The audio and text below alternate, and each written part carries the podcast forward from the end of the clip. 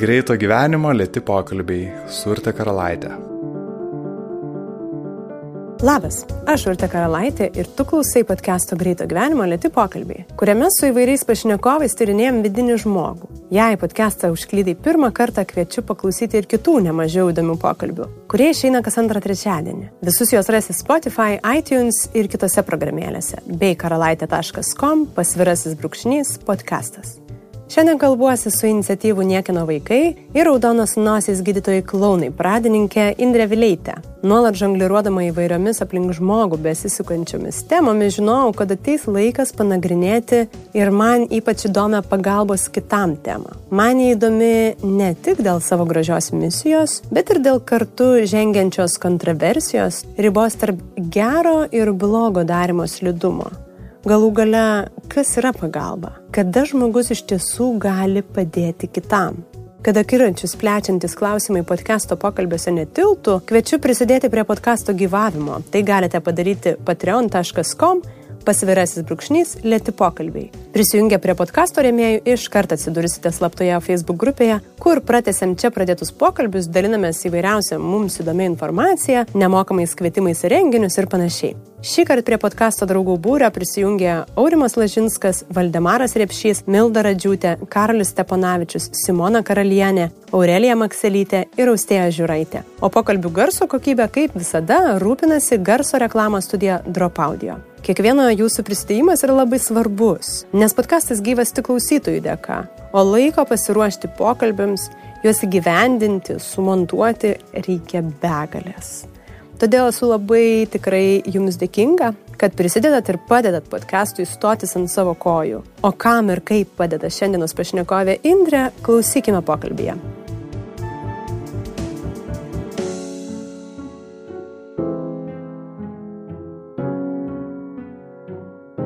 Labas, Indrė. Labas.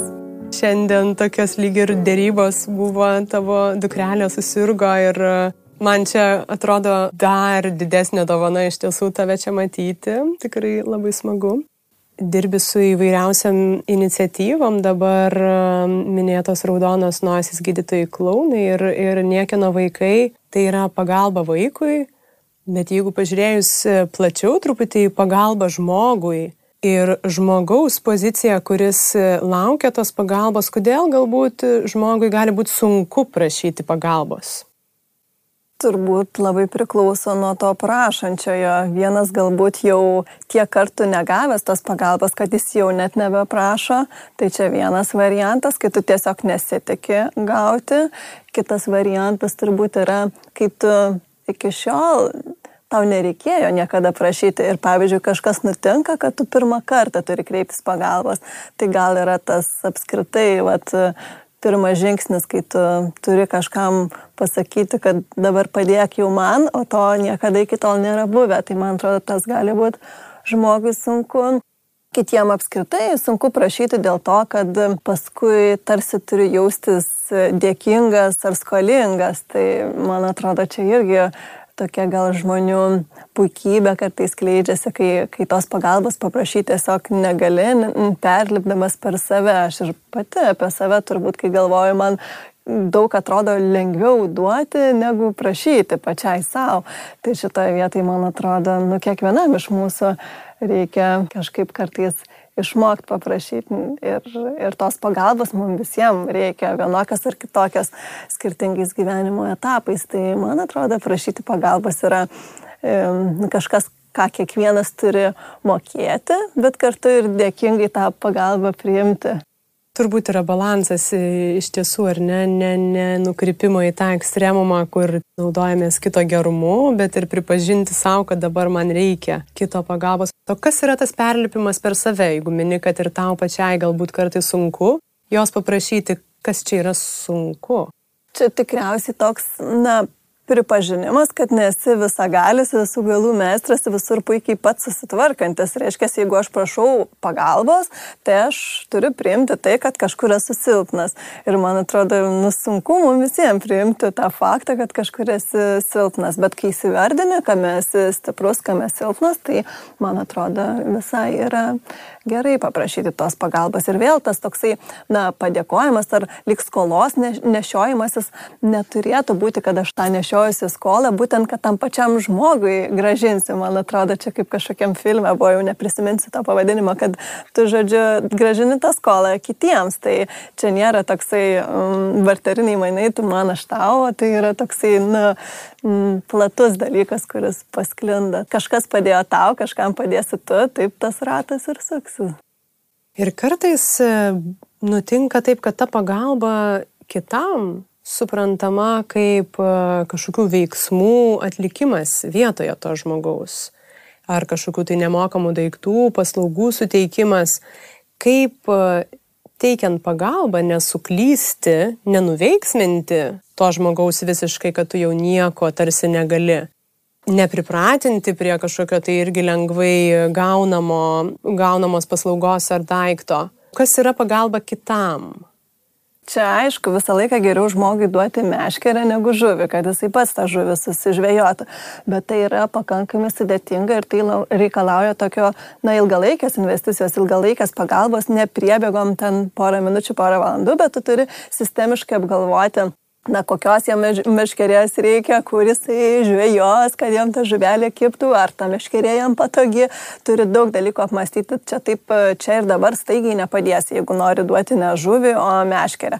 Tai man atrodo, tų meškerių labai reikia, yra e, tiek individai, tiek organizacijos, kurios kryptingai dirba tam, kad e, žmonės, kuriem reikia kažkokios pagalbos, turėtų tas meškerės, su kuriamis patys galėtų savo problemas išspręsti. Bet aš nesu visiškai šimtų procentų prieš ir tą žuvis, nes kartais tikrai reikia žmogui duoti ir žuvį, kai jam reikia pagalbos čia ir dabar. Ir čia žmonės gali prisidėti, mm, jeigu turi mažai laiko, jeigu turi mažai resursų, jeigu negali skirti daug laiko va tokiai nu, pagalbai kitam, tai kitą kartą jis gali duoti ir žuvį. Kodėlgi ne, to žuvies irgi reikia, ypatingai jeigu yra kažkokie kriziniai momentai ir nėra taip, kad to žuvies va reikia nuolatos ir šiandien, ir rytoj, ir poryt. Kartais būna va reikia tos vienos žuvies, o paskui žmogus viskas pereina ten kažkokį etapą ir toliau jau jam nebereikia. Tai va labai svarbu tą teikti ilgalaikę pagalbą, kad įgalinti patį žmogų arba suteikti vat, tuos kažkokius konkrečius e, jam įrankius tam, kad jis kažkokią duobę perliptų ir tada jau jam nebereikėtų to dalyko, ką tu davėjai. Bet, bet jeigu yra taip, kad tu duodi tam, kad pereitų duobę, o šalia vėl kita tokia pati duobė ir tau vėl reikia duoti ir nuolatos duoti, duoti, duoti, tai nei tas žmogus įgalinamas, nei iš tikrųjų tas pagalbos ratas sukūrimas, tai tiesiog problemos yra atidėjimas laikinas, bet nesprendimas. Tai aš kažkaip galvoju, kad yra kombinacija tų meškerių ir žuvų. Labai graži metafora. Čia galima ir pastebėti tai, kad greito rezultato siekiant, ko dažnai Ta. norisi, norėtųsi išspręsti ir man galbūt savo kažkokią problemą ir padėti kažkam greitai. Ta. Ir vat tuomet ta meškerė jau nebe greitas rezultatas, mhm. ar ne? Ir mhm. to žuvies davimo rizika, kad Taip kaip, kaip mini, tai nebūtinai blogas pasirinkimas. Yra. Arba kažkas dirba kryptingai ilgalaikiškai ir tu trumpai prisijungdamas kažkuriam etape prisidedi prie tos ilgalaikės pagalbos vizijos, bet duodi tik čia ir dabar truputėlį. Bet tu matai, nu, kokiam tu platesniam kontekste esi su savo pagalba. Ir jeigu tau padeda padėti kitam, yra visas sukurtas mechanizmas, tai man atrodo labai nu, sėkmingas toks modelis turėtų būti. Aš kažkaip ir pati su savo tom iniciatyvom iniciatyvom, kurias e, e, Lietuvoje čia bandžiau įdėkti ir visai sėkmingai gavosi. Mano tokia vizija ir buvo, kad sukurti tokią sistemą, kur žmonės galėtų norintis padėti lengvai prisijungti ir, ir tada ne patys ieškoti, kiekvienas kurtis kažkokią schemą, kaip čia ką man daryti, o kad būtų sukurta schema, prie jos būtų galima prisijungti ir tada įgalinti daug žmonių padėti. Tai kažkaip man atrodo visai toks modelis e, veikia. Čia ir bendruomenės gale iš tiesų ateina, nes ar ne, matant, kad ir tą problemą vienišų paliktų vaikų ligoninėse vienas žmogus padaryti daug negali, kad ir kokia tavo didelė širdis ir, ir užmojai. Tai čia svarbu yra suprasti irgi tos problemos turbūt ir mastą, ir poreikį kažkaip blaiviai įsivertinti tam tikrą prasme. Ir dar tiesiog gal apčiuopti, kokie elementai visom šitam kontekste, nu, kokių trūksta, nes atrodo, vat, kaip man buvo su niekino vaikais, aš labai didelį mačiau žmonių norą padėti. Ir tik tai nebuvo kažkokio, nu, tokio mechanizmo, kuris įgalintų jiems tą pagalbą teikti. Nes labai daug žmonių klausinėjo, tai kur aš čia galiu nueiti ligonę, su tuo vaiku pabūti, kada aš čia galiu nueiti. Bet jeigu kiekvienam reikėtų visą tą kelią praminti, nueiti ligonę, susitarti, kur kada ten jau pakeliuoja, atbirėtų labai daug žmonių, o čia tu jiem visą tą mechanizmą pateikė ir jiem pasakai, kur nueiti, į kokį palatą, kada, kiek pabūti ir, ir tada nu, tas kelias susitrumpina. Kiekvienas, man atrodo, savo vaidmenį tame turi atrasti ir, pavyzdžiui, su tais pačiais niekino vaikais, tai aš iš karto kažkaip žinojau savo tą kelią, kad aš esu tas, nežinau, užkulisinis žmogus, kuris galbūt gali padėti sugalvoti tą sistemą, bet aš nebūsiu tas žmogus, kuris e, eisiu būti tenai su tais vaikais. Ir aišku, man buvo labai sunku pradžioje, kai mes ten susidėliojom schemas ir truputį m, poreikis pasirodė didesnis, negu mes atsirinkom savanorių ir susidaro tos, nu, kaip čia pasakyti, būdėjimo e, m, atkarpos, kai nėra žmonių ir man toks labai buvo, kad aš dabar eisiu nes, nes nėra žmonių, tai aš turiu užkišti tas skilės, bet paskui supratau, kad jeigu aš dabar eisiu užkišinėti skilės, man tada nebeužteks jėgų ir energijos nu, sukurti tą nu, kažkokį mechanizmą, kurį aš buvau užsimojusi sukurti. Ir jeigu aš eisiu užkišinėti skilės, tai aš tada paskui nematysiu to nu, plataus vaizdo, kaip čia padaryti, kad tų skilių nebūtų. Nes nu, kažkaip turi suprasti, koks tavo vaidmuo yra Ir man kažkaip taip natūraliai gal gaunasi, kad mano vaidmuo dažnai būna tokių kažkokių be, bendram kontekste pamatymų, kur ko trūksta ir tų dalių stengimuose užpildyti, bet nu, ne, ne, net važuvų principų, bet stengtis, kad tai būtų meškerė. Čia įdomu gal pastebėti tą diskusiją tavo vidinę, emocinę ir loginę. Mhm. Kaip šitas procesas vyksta, nes aš girdžiu, kad tu tikrai esi strategiškai mąstanti ir, ir galbūt ne ta, kuri puola ir vieną gelbėti ir už kito griebtis, bet kažkokia rizika, ypač matant sudėtingas situacijas ir vat, mini, kad reikia pagalbos. Mhm. Kas čia vyksta? Yra ta vidinė drama, kad norisi kiekvienam duoti tai, ką gali geriausia ir daugiausia, bet, nu, tu supranti kažkaip ilgainiui, kad, nu, taip, e, šį kartą gal nelabai tobulai gavosi, bet aš jau žinau, kur pasitaisyti, kitą kartą bus geriau. Tai mm, kažkaip gal per tai, tu, nu, priimi tuos dalykus, kad ne viskas bus tobulai, kad e, kiekvienam vaikui šimtų procentų tikrai nepadėsi. Aš iš karto jau su šito modeliu ligoninės žinojau, kad yra ta vidinė drama, ta, ta su, su kuo kiekvienas savanoris turės susidurti, kad tu esi ligoninė, ribotą laiko tarpą, tu matai to gyvenimą, vaiko gyvenimą tik tą ribotą laiko tarpą ir paskui tu jo niekaip nebegali įtakoti. Gali tik galvoti, kaip tu ten jam kažkokią įtaką padarai ir nepadarai, spėlioti, gali galvoti, kaip ten ten jo gyvenimas toliau dėliojas, bet iš esmės ta atkarpa tavo buvimas su juo yra nu, labai limituota. Ir tiesiog tą priimi ir tada stengiasi, kad tavo atlimituota atkarpa būtų jam pati geriausia. Tai kažkaip, kai susidėlioji, nu, tos gal, jo, kiekvienas žmogus turi susidėlioti tos taškus ant į ir kiekviena organizacija turi susidėlioti tos taškus ant į. Bet vėl, tai nėra baigtinis procesas, atrodo, jau viskas susidėlioji, o tada žiūri, kad kažkokie nauji dalykai lenda ir reikia dėliotis iš naujo. Tai toks na, natūralus, man atrodo, ciklas. Dar pagalvojau apie tą riziką norėti gelbėti pasaulį, matant tikrai daug neteisybės ar kažkokių skaudžių situacijų, kaip vat, nuo šito noro atitolti ir, ir įsisamoninti, kad gali galbūt padėti tik tai vienu procentu kažkokioje situacijoje, o ne išgelbėti pasaulį ar žmogų.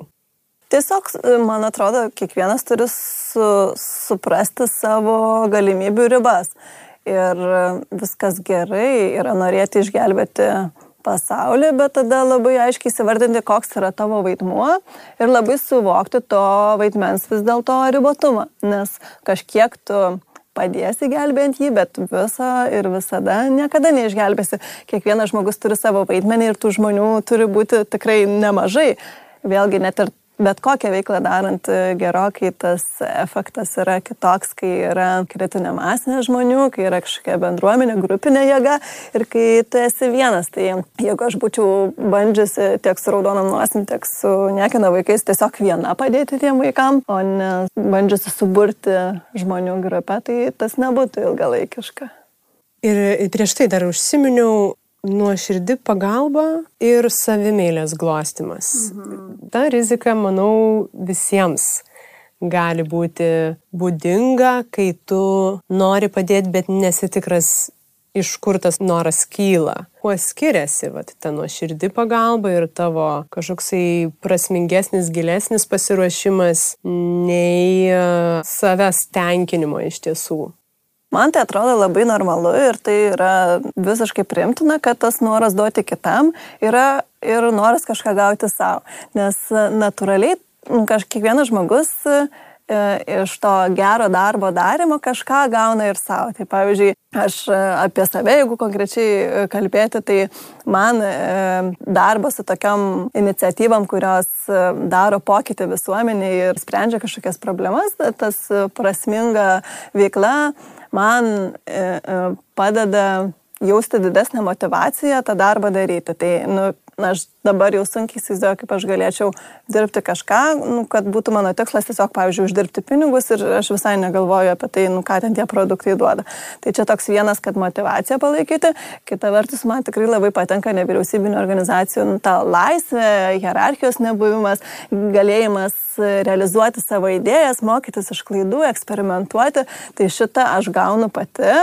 Ir tai man ta laisvė, pavyzdžiui, labai svarbi. Tai šalia to, kad padedam vaikam, tarkim, mano įkurtas organizacijos, aš kaip žmogus gaunu galimybę dirbti, e, susikurti savo darbo vietą ir tokią, kokios aš noriu, kokia man yra priimtina, kad man ta kultūra laisvės tame būtų. O jeigu aš išėjau dirbti kažkur, tai ten jau galbūt būtų nu, kita kultūra sukurta ar ne, gal man būtų nepriimtina, tai toks tarsi, nu, yra egoistinis momentas, dėl ko man tie patys savanoriai ateina, vieni kažko išmokti, naujų įgūdžių, kiti, pavyzdžiui, tikrai į niekieno vaikų iniciatyvą ateina žmonės, norėdami pasitikrinti, ar jie gali būti globėjais.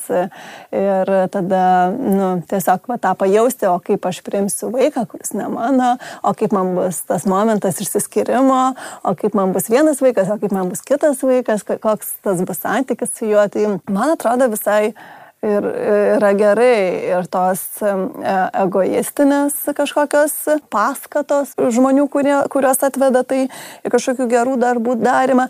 Žinoma, labai svarbu, kad tai nebūtų noras užsidėti pliusą ir pritemti tą situaciją prie savo gebėjimo, aš taip, e, e, galimybių. Labai dažnai tai, pavyzdžiui, jaučiasi, e, kai pas mus irgi žmonės paskambina ir sako, o aš galiu pabūti su vaiku, bet galiu, nu, tik tai porą valandų per ten mėnesį, turiu ir labai noriu. Ir tada pasakai, kad, nu, tiesiog šičia mūsų schema kitokia, kad reikia ilgalaikio įsipareigojimo, kad reikia penkių valandų per dieną, kad yra kelios dienos iš eilės. Ir tada žmogus įsižeidžia, kad, va, aš turiu dvi valandas, o jūs neįmat mano tų dviejų valandų. Nu, kaip čia taip aš noriu gerą darbą padaryti. Nu, tai tada ir pagalvojate, tai jo kiekvienas žmogus tada turi pamastyti su tuo laiku, kokį jisai turi, ar tais pinigais laisvais, tarkim, kuriuos jis turi, ką jis galėtų padaryti, kad tikrai būtų nu, ta nauda naudos gavėjim, o ne jam pačiam, kad vat, jam įdomu, patogu, jis norėtų taip. Ir vėl, aišku, tas pliuso užsidėjimas, kai atrodo, nu, ten prieš kalėdas, ten kažką padariau, ar ten kartą per metus, ten nežinau, ten daviau kokias išmaldas, dar kažką. Ir tokį tarsi užsidėjau pliusą. Tai tas toksai pliuso užsidėjimas ir paskui tada, nu, ramu, jau aš apie tas problemas negal, negalvoju. Tai man atrodo, irgi toks nėra teisingas kelias, kad kažkaip tų pliusų toks dėjimas, nes čia požiūrio klausimas ir požiūrio reikalas, tu tarsi turėtum tokį nusistatymą turėti, manau, nu visą laiką tą jautrumą aplinkai ir stebėjimą, kur tu galėtum būti naudingas, o plius užsidėjimas, tai tarsi tada mm, galiu jau užsimerkti ir, ir nematyti. Aišku, kitas dar yra dalykas, kai, nu, pavyzdžiui, savanorystėje ateina žmonės gydyti kažkokių savo psichologinių žaizdų e, per kažkokių gerų darbų darimą.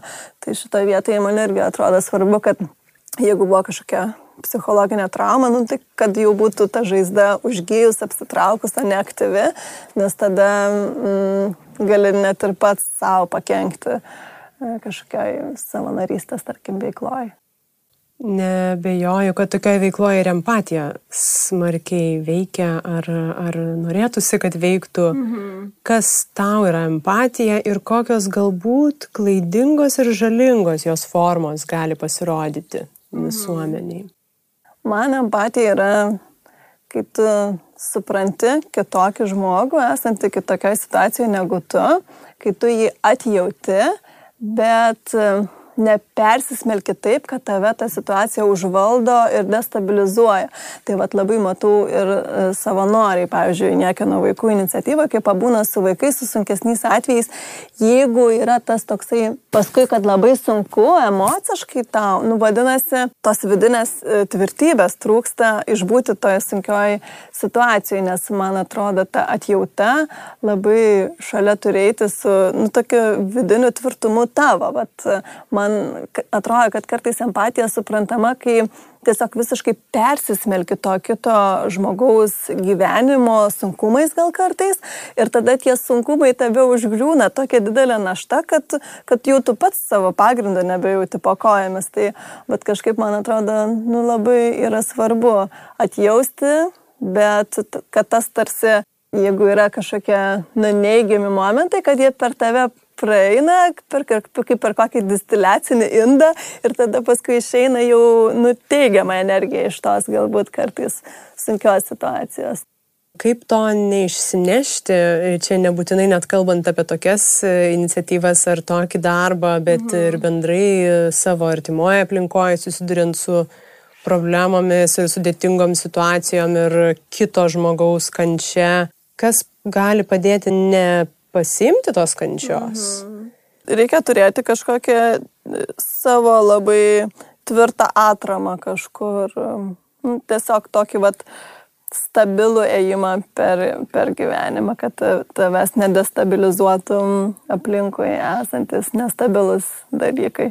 Tai čia kiekvienas e, semėsi, man atrodo, skirtingai, kam šeima, kam religija, kam dar kažkokie dalykai, kas, kas padeda tą tvirtybę palaikyti. Aš net dabar sunkiai ir įvardinčiau, kas man, kas man padeda, bet, bet man atrodo tas, tas svarbu jausti, kad tu nesi taip lengvai vėjo pamėtamas į, į, į šalis. Aišku, tai mm, labai sunku rasti tą viduriuką tarp buvimo jautriam ir tada jau kažkurio momentu tapimo nebe jautriam, nes kitą kartą gal mm, tada ir nepastebi kažkokių, vat, gal ir sunku į tą empatišką situaciją įsijausti, jeigu labai mm, bandai apsaugot save, tarkim, matai, kad ta kažkokia situacija tau gali būti per jautri, tai tada gali ją sureaguoti per nejautriai, nes tu nori užsidėti tokį kažkokį skydą apsauginį. Man atrodo, tie žmonės, kurie kažkokiai situacijai galbūt nėra empatiški, tai irgi yra toks savotiškas gynybos mechanizmas, kuris juos kitą kartą galbūt ir apsaugo nuo nestabilumo galimo. Aš įsivaizduoju ir sudėtinga į kitą situaciją įsijausti, jeigu mes kalbam, nežinau, su savo aplinko žmonėmis, kur daugiau mažiau problemos yra pažįstamos, situacijos pažįstamos, bet net ir konkrečiu atveju sergantis e, vaikas ligoninėje jau man yra labai toli uh mhm. -huh. nuo mano situacijų. Taip, ir mes tada projektuojam savo labai dažnai, nu, iš savo gyvenimiškos patirties kažkokias momentus į tą situaciją ir galvojam, man šiaip irgi buvo atradimas, aš galvoju, nu, man labai ta vienišų vaikų problema, ligoninės tos vienatvės buvo jautri ir aš tą projektuodavau kaip ir daugelis turbūt iš savo šeimos perspektyvos. Vat jeigu mano vaikas dabar atsidurtų ligoninėje ir būtų vienas, taigi kaip jam būtų baisu, nes jisai pripratęs visą laiką gauti, gauti dėmesį, kažkokią turėti saugią aplinką šalia ir staiga jisai vat, nu, taip nesaugiai atsidarė. Ir visiems tai atrodo labai tragiška. Ir aš po kurio laiko dirbdama e, su šitą iniciatyvą supratau, kad iš tikrųjų kai kuriem tiem vaikam iš va, tų tokių sudėtingesnių kontekstų e, buvimas ligoniai yra gana saugu gana ramu, ne taip blogai, kaip pavyzdžiui pas juos namuose. Ir man tas buvo nu, įdomu, kad aš tą situaciją truputėlį iš savo perspektyvos mačiau kitokią. Žinoma, tai nepaneigia to fakto, kad jiem toj ligoniniai reikia emocinio palaikymo, bet e, va tas suvokimas, kad ten, kur jau man atrodo labai blogai, kitam atrodo netgi ir visai nėra blogai, palyginus su tuo, kaip blogai jiem buvo prieš tai atsiranda tų momentų, kur supranti, kad tas e, empatijos žemėlapis, tarkim, nėra šimtų procentų užpildytas, kažkokie vis tiek veriasi nauji elementai tam tikrą prasme ir, ir žinios čia turbūt padeda suvokiant, kad elementariai vaikas čia tris kartą ar daugiau kartų per dieną gauna valgyt, kas Taip. nebūtinai vyksta jo aplinkoje įprastinėje. Taip. Ir kiek tai jam yra didelis dalykas ir Taip. prabanga. Arba kai jau supranti, kad tarkim padarai staigesnį judesi ir vaikas gūžiasi, tai jau jisai laukia kažkokio smūgio, tarkim, o to ligonį nu, negaus jisai tų smūgių, tai irgi jau jam yra visai kitaip. Bet kita vertus, jeigu vėl grįž prie tų niekino vaikų ligoninėse, tai jiem ta teigiama patirtis labai būna didžiulė patirtis, kurią jie, manau, išsineša tą va, tokią sveiko santykio turėjimą, kad ir laikiną jiem kažkokią įtaką anksčiau ir vėliau gyvenime padarys tokias patirtis. Tai nenustoju tikėti, kad šita veikla yra reikalinga ir kad tiem vaikam ligoninį tikrai geriau su savanoriais, kurie būna su jais. Manau, čia ne tik vaikam būtų reikalinga. Man okay. šį metą teko daugiau nei dvi savaitės ligoniniai praleisti mm. ir aš jūsų iniciatyvą jau žinau, bet mm aš puikiai žinau, ką reiškia vienam būti ten, kur sesutės tampa tavo geriausiais draugais. Ir čia galima irgi ir plačiau pažiūrėti į suaugusių žmogų, kokia bendrai galėtų būti pasiekmė to apleistumo jausmo žmogui, kokį tai pėtsaką palieka. Man atrodo, formuojasi tada toksai iškreiptas santykis su aplinka, kai tu neturėjai to va, tikro ryšio prieraišumo, neturėjai žmogaus, tarkim, kuris e, tavimi rūpinosi, tai tau greičiausiai atrodo, kad pasaulis yra nesaugus. O kai pasaulis yra nesaugus, tai reikia atrasti būdų, kaip nesaugiam pasaulyje būti. Ir tie būdai dažnai pasirenkami destruktyvus. Tai aišku, tada ir gynybos mechanizmai įsijungia ir kažkokie dalykai, kur ne, ne kūryba, o grivim, gravimas veikia, bet nors kažkaip tikėt, kad tokie žmonės anksčiau ar vėliau sutinka kažkokį nu, tą pozityvų santyki ir, ir iš to tikiuosi, kad įvyksta ta kaita. Ir ar per kažkokį darbą psichoterapinį su savimi, ar per tiesiog kažkokį ryšį su kitais žmonėmis, tas ratas nėra tiek užburtas. Tai jeigu sugebi kažkokią palaikančią aplinką susikurti, jeigu randi palaikančių žmonių arba vidinės stiprybės iš kažkokio palaikymo, tai e, manau, kad nu, nėra čia toks pasmerkimas visam gyvenimui. Pradėjau galvoti apie emocinius poreikius, mhm. nes iš esmės jūsų šita iniciatyva irgi rūpinasi tuo, nes mhm. baziniai poreikiai kiti būna ar ne ligoninės kaip ir patenkinti mhm. ir čia ir būtų ta problema, kad, kad tik tai baziniai. Ir tuomet, jeigu vėl pažiūrėjus į suaugusių žmogų, kuris atrodo, kad jau yra subrendęs, jau nebe vaikas, jau jam nebereikia mhm. padėti pasirūpinti, tuos emocinius poreikius pamiršta žmonės ar pamirštam, kas galbūt padeda juos išsigryninti ir pačiam savo gebėti patenkinti. Jo, įdomu.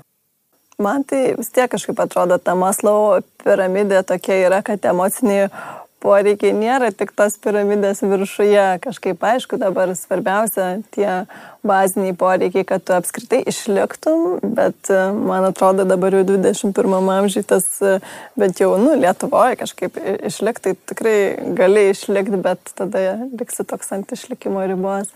Bet tų emocinių poreikių patenkinimų ir tas e, gyvybiškai, man atrodo, svarbu, o kaip tą pačiam Man atrodo, čia tokie pamatai irgi padedami vaikystėje, jeigu kažkaip su tėvais buvo tas santykis toksai, kad e, išsiugdytas apskritai suvokimas apie, apie tas emocinius poreikius kaip tokius. E, jeigu tavo emociniai poreikiai buvo patenkinti e, vaikystėje iš tėvų ar globėjų, tai tada užaugęs žmogus greičiausiai geba atliepti tiek savo, tiek kitų žmonių tas emocinis poreikis, bet jo, man atrodo, čia labai svarbus momentas yra, kad nu, tam, kad galėtum duoti kitam, pats neturi būti tuščias indas.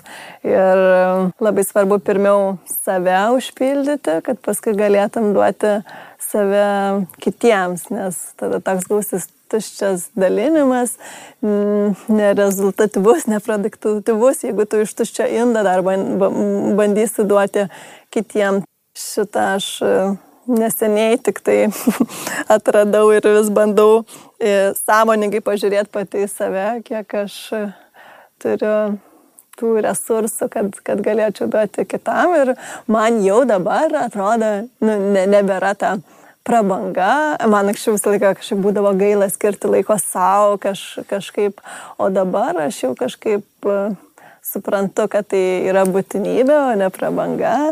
Ir, ir darau tą be kalties kažkokio graužimo.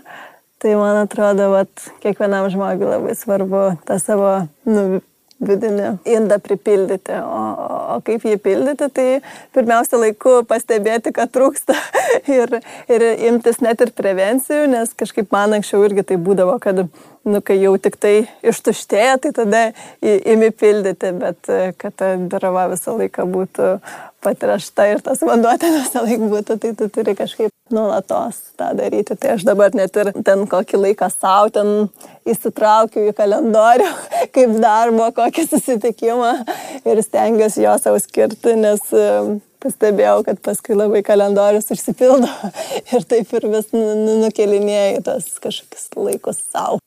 Čia tikriausiai atsiranda rizika, ką mini tą tuščią indą, kad e, išdalymo to paties, kad tu mhm. gali net ir labai norėdamas nebeturėsi ką duoti ir, ir, ir savo pačiam, ir kitam. Iš to, man atrodo, ir atsiranda tie perdegimo sindromai, vat, kai dirbi kažkokiose jautriose sritise, tai kad, nu, kad neperdegtum iš tikrųjų ir, ir nebūtų to jausmo, kad jau viskas nieko nebegaliu duoti o kad duotum tik tiek, kiek gali. Tai va irgi tas nupamatavimas, kiek gali apžioti yra svarbu ir man pačiai yra buvę, man atrodo, nežinau, ar ten klinikiniškai perdegimų tai nebuvo įvertinta, ne, nesikreipiau dėl diagnozės, bet pati kurį laiką nujaučiausi taip, kad man atrodė, kad jau reikia sustoti ilgesnį laiką, nes jaučiausi, kad nebeproduktyviai naudoju savo laiką, jis nebeišnaudoja taip, kaip anksčiau išsinaudodavo ir jaučiau, kad pačiai trūksta, o, o bandau duoti ir tada supratau apie tą momentą, kaip reikia į kalendorių įsitraukinėti laiko savo ir tą prevenciją užsimti, bet taip, man atrodo, perdegimas yra dirbant jautrioje srityje labai mm, gana dažnas momentas. Ir, ir tada labai dažnai, nu, tiesiog gali pasakyti, kad ne viskas daugiau niekada uždarau duris ir viskas, tai kad to nebūtų, tai pamatuojamais kasniukais reikia kasti tą didelį gabalą. Čia tikriausiai dirbant tokioje srityje ne pasakymas yra dar sunkesnis negu palyginus kažkokį tai kitą darbą, kitą sritį, kur paprasti materialūs dalykai, o čia tam tikra prasme tu pasakai ne pagalbai vaikui, ar žmogui, ar laiko savo skirimui dėl tos gerovės. Ir tai yra prieš tai minėjai tam tikras ir, ir kalties, sąžinės priekaištas, kad, na, kaip čia dabar nepadedi, dar, o jų galėtum dar. Tai čia turbūt irgi tokios dėrybos. Kaip tau sekasi nepasakyti tom situacijom? kai aš aiškiai savo vaidmenį įsivardinu ir kai nesikiu būti tobulybė.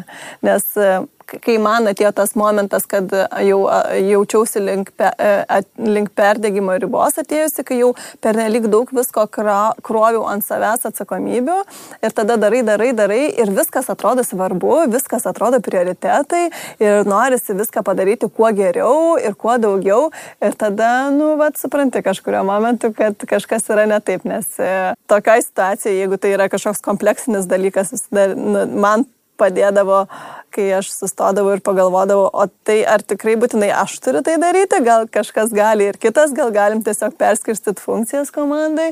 O ir, ir kitas momentas būdavo, kad tiesiog pagalvoti apie prioritetus, tai kuris iš tų dalykų yra dabar svarbiausias, o kuris gali palaukti. Tai man padėjo tai, bet čia kalbu apie tokią gal organizacijos valdymą, kai, kai kažkoks yra didelis projektas, e, nu, vat, buvimas su ta visa atsakomybė savo ant pečių. Bet aš tą, pavyzdžiui, matau tikrai ir kai savanoriai ateina į ligoninę ir būna su vaikais, tai mes prašom jų ateiti penkias dienas, tarkim, iš eilės pas tą vaiką, jeigu jisai yra, o būna taip, kad, pavyzdžiui, vaikas ligoninėje yra ten dvi savaitės ar tris ar mėnesį ir tada jie tokį jaučia vidinį spaudimą, nes jau tarsi nu, visas taisyklės, visus reikalavimus jie e, išpildė iš mūsų kaip organizacijos pusės, bet vaikas tai e, vis dar ligoniniai ir jie nori eiti dar ir dar ir tada aukoja savo laiką, aukoja savo šeimos laiką, paskui supranta, kad jau ilgai ne, nebegalėsi tą ligoninę eiti, nes labai daug savęs atidavė. Tai šitoje vietoje mes tengiamės apsaugoti savanorius, tiesiog iš, iš, yra koordinatorius, yra psichologija, tai jie bendrauja ir, ir, ir kartais net pristabdo. Tai kartais visai gerai turėti tą tokį iš šono pristabdymą, kai tavęs paklausia, o tikrai čia reikia taip liekti, žinau, kitas savanoris irgi labai fainas, jisai pabusi to vaiku, tu jau pailsėk, nes jau atbuvai daug laiko.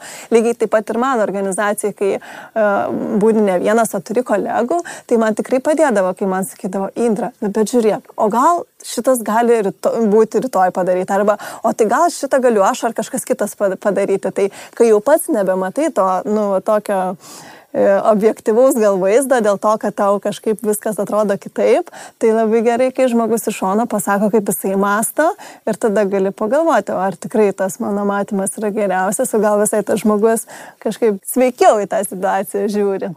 Jo, kartais gerai toks neutralizavimas tų emocijų, kurios atsiranda. Tobulybės e, siekimą ir tą tokią viziją paminėjai, na, mini, kad e, siekiai tobulybės e, dabar galbūt keičiasi ta situacija. Kaip pasikeitė tavo santykis su tuo kažkokiu nepasiekiamu ar mėginimu pasiekti to tobulo rezultato? Nežinau, mano tas santykis su perfekcionizmu dar iki galo ne, nesuformuotas arba besikeičiantis šiuo metu, tai man sunku ir pasakyti, nes e, man atrodo yra gerai siekis tobulėti, nes kitaip gali daryti taip tikrai, nu, bet kaip, tai va to atmestinumo kartais irgi nevyriausybinėse organizacijose būna nebūtinai iš piktos valios, ant kitą kartą iš laiko neturėjimo ar kažkokių resursų neturėjimo, bet nesinori, kad tai būtų atmestinai padaryta, tai tada tarsi yra tas, na, stengiamasis, bet vėl, nu, kažkaip suprasti savo tas galimybių ribas. Man čia toks naujas atradimas įsivardinti, kad yra ok kažko nespėti, yra viskas gerai su tuo, kad e, galbūt tempai netokie greiti, kaip norėtųsi, yra viskas gerai, jeigu kažkas nesigauna, yra viskas gerai, jeigu kažkas kitas e, gali padaryti geriau už tave ir susidėlioti tada taip dalykus, kad kažką darai tu, ką tu darai gerai, o kažką daro kitas, kas, kas daro kažkokius dalykus geriau iš tave. Supratimas, kad, kad vienas viską nepadarysi ir kad ta tobulybė gerai kaip orientyras, bet jinai niekada nėra pilnai pasiekiama, nes kas yra pasakęs, kad va štai aš kažką darau ir jau dabar darau tobulai. Nu, ne, čia nebaigtinis procesas. Tai kai supranti, kad tai nebaigtinis procesas ir žinai, kur linkiai, bet eini tokiu tempu, kaip gali, tada su tuo viskas pasidaro gerai. Bet jo, kartais ten įgoj labai būna sudėtinga suvokti, kas yra kas. nuolatinės diskusijos. Dar noriu truputį grįžti, prieš tai kalbėjome apie tą emocinių poreikių atliepimą mhm. ir, ir um, pagrindą to vaikystėj. Mhm. Tu esi mama dviejų vaikų, ar ne? Mhm. Man įdomu, kaip čia jau gal net ir iš praktinės pusės pažiūrėti, kaip emocinė edukacija jūs su vaikais šeimoje vykdot mhm. ir, ir jų pačių kažkaip suvokimui lavinti, kas yra emocijos, kaip jos veikia. Tai čia iš mamos pusės gal gali pasidalinti. Manau, kad man motinystė labai daug atvėrė e, dalykų.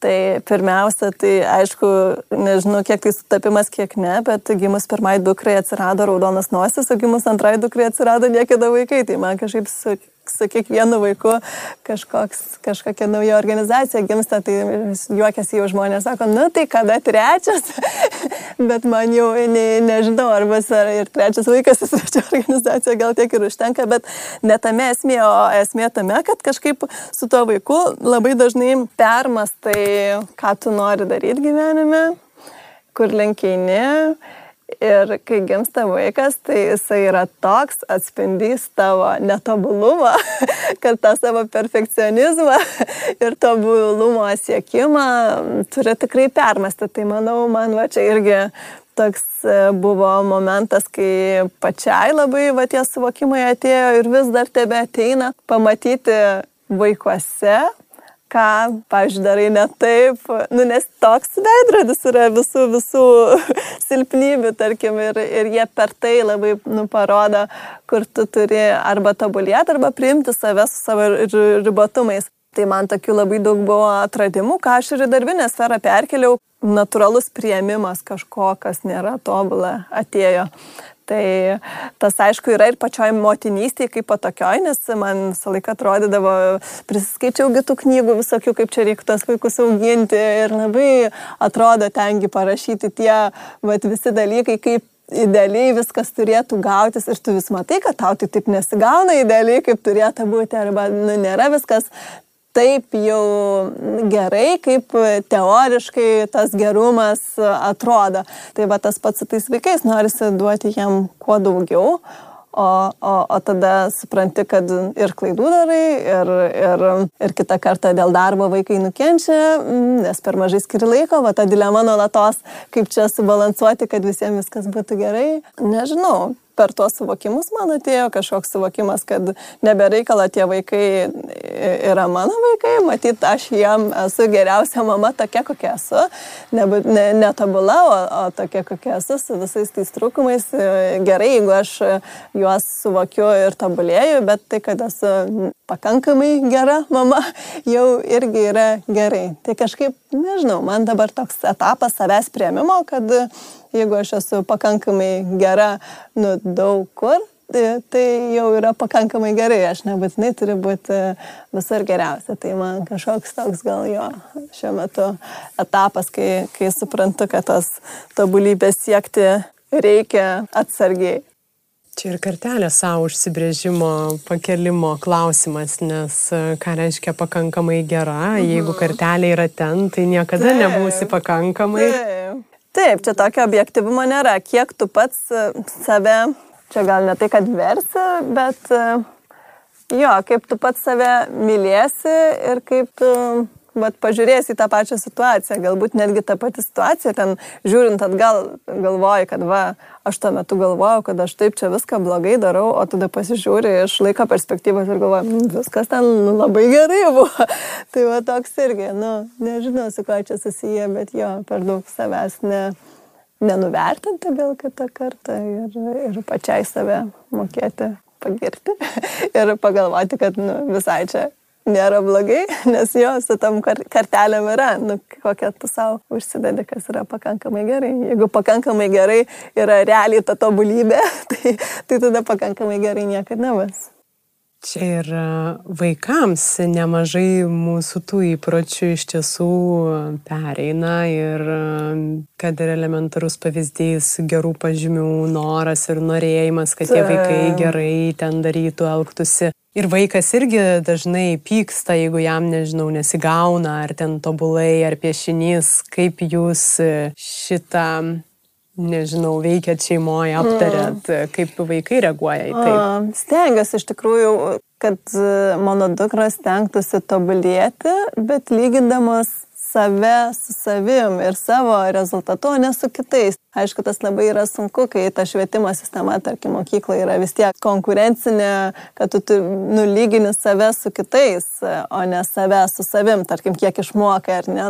Aišku, man gal lengva šitoj srity, kai, kai kaip ir nėra problemos, kad ten labai, tarkim, kažkokie mokymosi rezultatai atsiliktų ar kažkaip, bet e, man visą laiką atrodė, kad mokykla pirmiausia turi būti tokia nu, saugi erdvė vaikam ir net nepažymys tenai svarbiausia. Tai mes niekada savo vaikam kažkokių nekeliam tikslų ir nekeliam šiuo metu, nei aš, nei vyras, kad kažkokie va tie būtų apčiuopiami rezultatai, ar kad ten kažkaip e, būtinai ten būtų geri pažymėjai. Aišku, kažkaip tada natūraliai gaunas, gal kai vaikai negauna to spaudimo, jiem tas nekelia streso ir jie nu, tikrai domisi tais dalykais ir, tarkim, nu, kad ir mokosi, ar ne. Tai, tai yra tas malsumas ir noras sužinoti kažką. Bandom kažkokį atrasti ir perduoti tą tobulėjimą, lyginantis su savim, o ne su kitais ir prieimimą nesėkmių kaip natūralių dalykų, kaip, kaip mokymosi etapų, bet e, sudėtinga, nes e, tėvai taip yra svarbu, bet kuo vaikas vyresnis, tuo jam didesnį įtaką daro ir, ir aplinka. Tai aišku, tos mažiukus reikia, reikia stengtis dar su jais, nes paskui va, dabar, kai jaučiu vienai dukrai 3, kitai 10, tai tą, kuriai 3, tai dar e, daug nu, kažkaip lengviau įtakoti ir, ir padėti, o tai kuriai dešimt, tai jau jai norisi viską pačiai atrasti, sužinoti ir kitą kartą tenka, sako tėvai, tai jau ne, nebūtinai. Ir, ir yra tas toksai prieimimas kaip kažkokia būtinai gerų dalykų, bet irgi yra gerai, tai per, per tą patirtinį ūkdymąsi. Ir suvokimą daug kas ateina. Man ir pačiai patinka mokytis ne iš knygų, o iš patirčių. Tas ir mano organizacijos irgi gimė iš patirčių, ta prasme, kad tiesiog bandai ir darai ir žiūri, kas gaunasi. Ačiū tau, Indrė. Mm. Aš tikiuosi, kad tie procesai ir vingiai ir toliau smalsumo ir to tobulėjimo link ves. Mm. Ir nu, nesėkmių bus. Taip. Svarbu irgi neužsipatoginti per daug, kaip paskui, nu, va dabar mylėsi save, viską darysi savo tempais jo, tą balansą iš, išlaikyti, kad dar būtų gyvenime iššūkių, bet e, kad tie iššūkiai neišsunktų. Tai turbūt čia, čia man atrodo, ką aš vat, pasiemiau tikrai, tai tą lyginimąsi su savim, atkarpose žvilgtelti į, vat, kaip tau sekėsi čia. Žinoma, neužsigulėti, bet subtiliai su savim pasilyginus, po truputį spausti, žiūrėti, kaip, kaip jaučiasi čia. Dėkui. Ačiū. Ačiū, kad klausėtės. Iš šiandienos pokalbio aš tikrai savo pasilieku tą lyginimuose su savim, o ne su kitais mintį. Nepraleiskit naujų epizodų sekdami podcastą Instagram ir Facebook paskyrose arba prenumeruodami jį. Beje, jei jums patinka tai, ką girdit, parašykit atsiliepimą Facebook ar iTunes platformose Jei norite ir toliau girdėti podkasto pokalbis, prisidėkit prie jo kūrimo simbolinė suma patreon.com pasvirasis brūkšnys lėti pokalbiai. Su jumis buvau aš, Urte Karalaitė. Iki kitų.